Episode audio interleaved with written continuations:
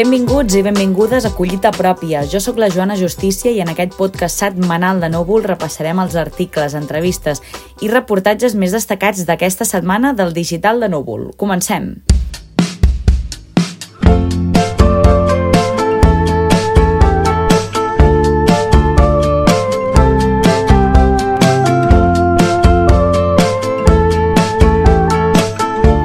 Reis Mags d'Orient han arribat i ens han regalat diversos articles que no us hauríeu de perdre. Per començar, us recomanem fer una ullada a l'entrevista que Bernat Puigtovella ha fet a l'escriptora italiana Veronica Raimo sobre Res és veritat, una autoficció d'edicions de 1984 traduïda per Mercè Bat i que ha rebut el Premi Strega Giovanni de l'any 2022. Puigtovella escriu que és el llibre que necessiteu si voleu riure una bona estona. El títol original en italià és Niente di vero i té un doble sentit. Tant pot voler dir res és veritat com aquí no hi surt res de la Vero, que és ella mateixa, l'autora. Bernat Puigtovella li ha preguntat què hi ha de veritat al llibre i Verònica Raimo ha contestat el següent. Diu, no he fet cap destilat de ningú en concret, però sí que m'he permès de caracteritzar alguns personatges amb frases que es van repetint com si fossin tics. L'entrevista, a més, inclou reflexions interessants en clau de gènere. En aquest sentit, l'autora diu «La guerra de l'Església i contra l'Església es juguen al camp de batalla del cos, si pensem, per exemple, en l'avortament.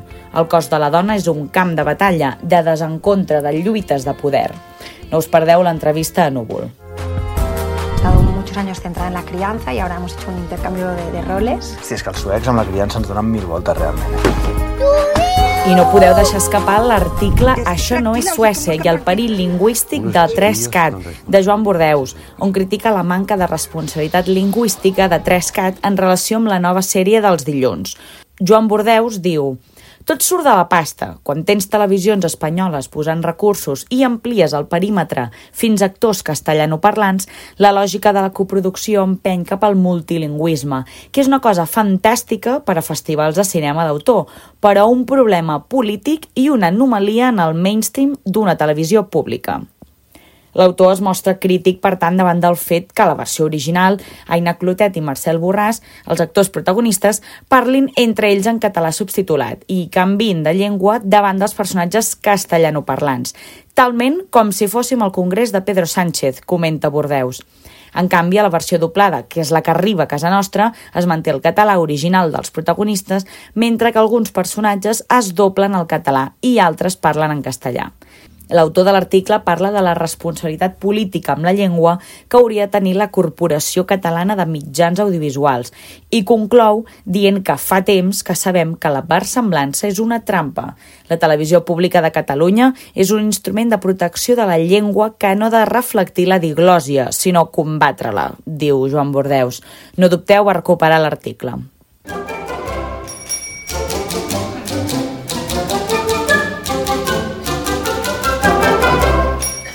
I si continuem parlant de normalització lingüística, aquesta setmana l'Àurea Grau parla del projecte Via Ràpida, que ofereix vídeos curriculars oberts a tota la ciutadania amb la intenció que facin servei tant a professors com a alumnes.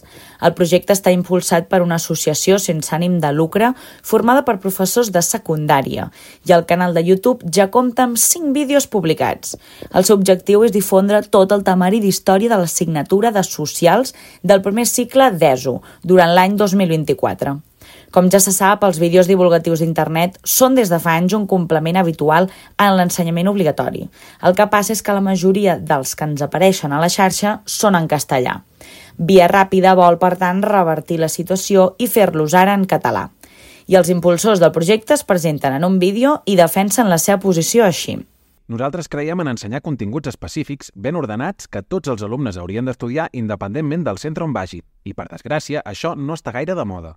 També, per desgràcia, gairebé no hi ha audiovisual educatiu en català. I per això, a les nostres aules s'hi utilitzen quasi sempre vídeos exclusivament en castellà com els d'Acadèmia Play. La prehistoria es el periodo de tiempo transcurrido desde la aparición de los primeros homínidos. España ha sido enterrada bajo una I montaña canviem de propaganda. tema i passem ara a parlar d'ocells, amb l'entrevista que Laia Rodergas ha fet a Àlex Mascarell, un ornitòleg i il·lustrador que ha dissenyat el Joc de Memòria dels Ocells de Catalunya, d'edicions Salòria. L'autora li pregunta si creu que a les escoles no s'acaba d'ensenyar bé aquesta branca de la biodiversitat. I Àlex Mascarell contesta el següent. Diu, el problema del qual peca el país és la limitació del temps, la disponibilitat, la capacitat material i la inversió que es fa des del Departament d'Educació. De totes maneres, el fet que hi hagi gent tan preocupada i amb ganes de treballar temes com el canvi climàtic ja és una manera de prosperar. Si encara us queda algun regal de Reis pendent per comprar o voleu conèixer el món de les aus catalanes, aquest joc pot ser una bona opció. És interessant també conèixer què va portar l'autor a crear-lo. Àlex Mascarell explica així a l'entrevista que el projecte neix de la suma de dos factors. A finals de la pandèmia van detectar Alzheimer al seu pare i ell volia trobar alguna manera de fer que treballés la memòria. I a més, com a ornitòleg i il·lustrador, li va ser relativament fàcil dissenyar un joc de memòria. Després es va donar que amb el seu coneixement podia arribar més enllà i treure-la a la venda. Us recomanem la lectura de l'article Àlex Mascarell, l'ornitòleg i il·lustrador.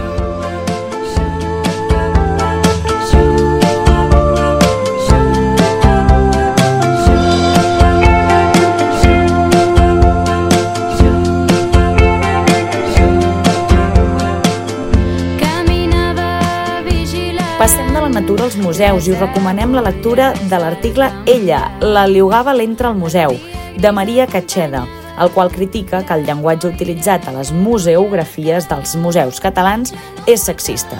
L'autora diu, quan t'hi passeges i llegeixes els textos que acompanyen les museografies, es parla de l'home prehistòric, dels íbers, dels romans, dels grecs, dels fenicis, dels vikings, dels artistes, etc., per referir-se al col·lectiu social. Maria Catxeda reivindica la necessitat de crear nous universos en clau de gènere, perquè els museus no parlin en masculí només. Catxeda diu també potser seria el moment de reformular aquestes i altres qüestions relacionades amb l'aplicació de la perspectiva feminista, però queda palès que no hi ha intenció de canvi i el fantasma androcèntric ens continua perseguint en el nostre imaginari implícit, transmetent valors que perpetuen les normes socials patriarcals. No dubteu en llegir-lo.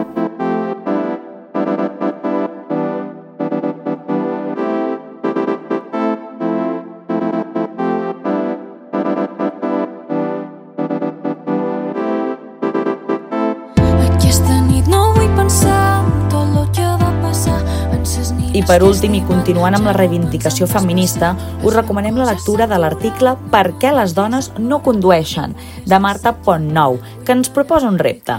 Diu, observeu tots els cotxes que circulen per Catalunya i si al vehicle hi va un home i una dona en el seu interior, apunteu-vos qui dels dos condueix, ell o ella. El 90% de les vegades són els homes els que condueixen.